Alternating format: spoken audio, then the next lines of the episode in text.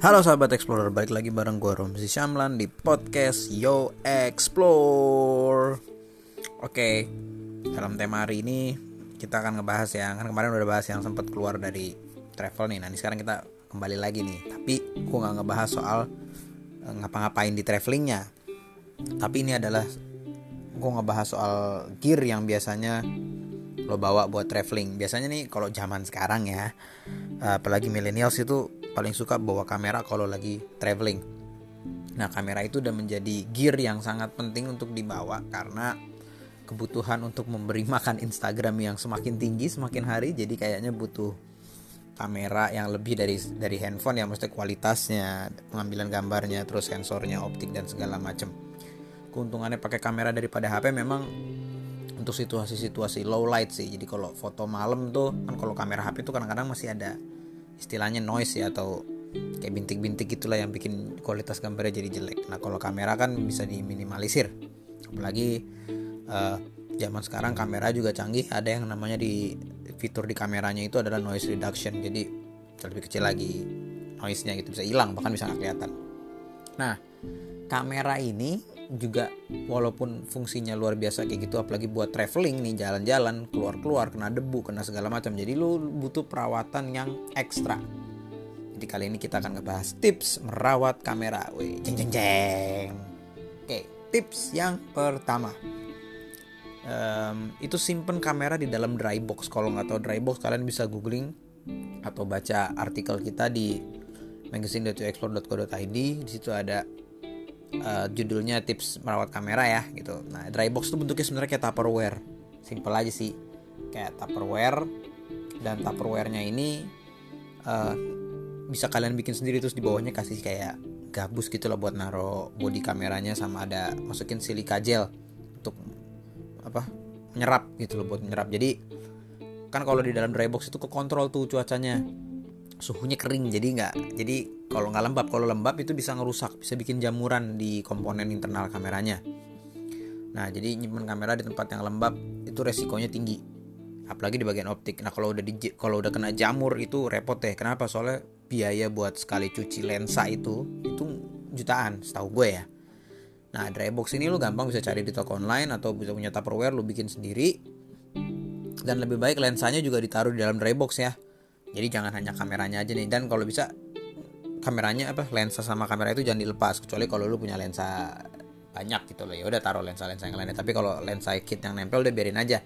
Karena kalau dilepas dari body kamera itu kan juga sebenarnya rentan masuk debu atau segala macam gitu-gitu. Itu tips yang pertama. Lalu yang kedua pasang UV filter. UV filter ini adanya di depan kan lensa ya. Ditaruh gitu ada ada memang harga itu sekitar 100 ribuan. Uh, UV filter ini nggak nggak usah takut karena ini nggak nggak ngurangin kualitas dari pengambilan gambar. Jadi aman gitu loh jadi bening warnanya bening gitu loh. Uh, namanya ya sama kayak kulit manusia deh. Kenapa sih pakai kita harus pakai UV gitu loh.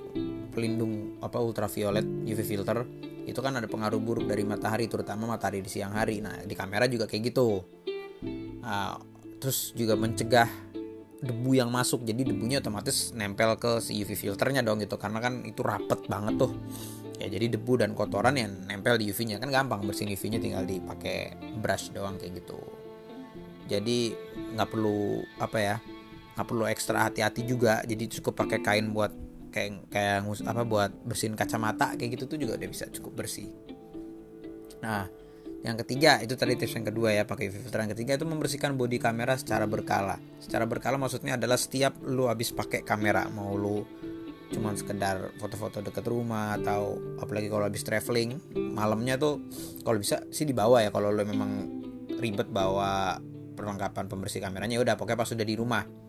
Dilepas tuh lensanya terus usahain di kamar ya atau di tempat yang bukan outdoor deh yang nggak ada debu atau kotoran terbang-terbangan nah dibuka terus dibersihin. Kan ada tuh biasa kalau beli kamera dapat brushnya tuh buat bersihin. Terus bagian bodinya terus ada cairan pembersih kamera juga. Kalau dulu biasanya orang pakai minyak kayu putih karena lebih cepat kering dan sedikit mengandung air ya. Namun sekarang kan udah ada cairan pembersih jadi lo bisa bersihin dengan detail tuh pakai semprot-semprot di kain terus di bagian optiknya dilap dikit gitu loh pelan-pelan gitu kan. Terus karet ring buat zoomnya tuh juga dibersihin tuh karena bagian ini orang biasanya orang skip gitu loh. Coba puter-puter zoomnya terus dibersih bersihin nah makin bersih kameranya juga ya makin awet juga penggunaannya gitu loh.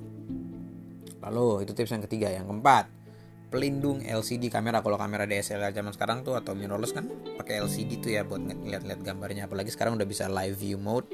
Jadi mata nggak perlu nempel-nempel ke optiknya eh sorry ke viewfindernya.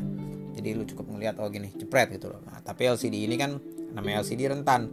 Kena debu bisa kotor kena benda-benda tajam kayak misalkan nggak sengaja ada batu suka terbang suka mental gitu ke bawah angin atau apa pun gitu loh. Itu kan bisa jadi retak kan kalau udah retak tuh aduh sesek deh dada ya kan ngelihatnya gimana gitu. Makanya dipakein protektor ada yang kayak Gorilla Glass atau ada yang modelnya kayak kaca mika gitu dipasang krek. Nah mencegah debu kotoran apa juga melindungi dari benturan keras dan ini bisa kalian bersihin juga kalau yang model mika sih bisa kalian cabut terus dibersihin dalamnya pasang lagi. Tapi mika juga dibersihin dalamnya.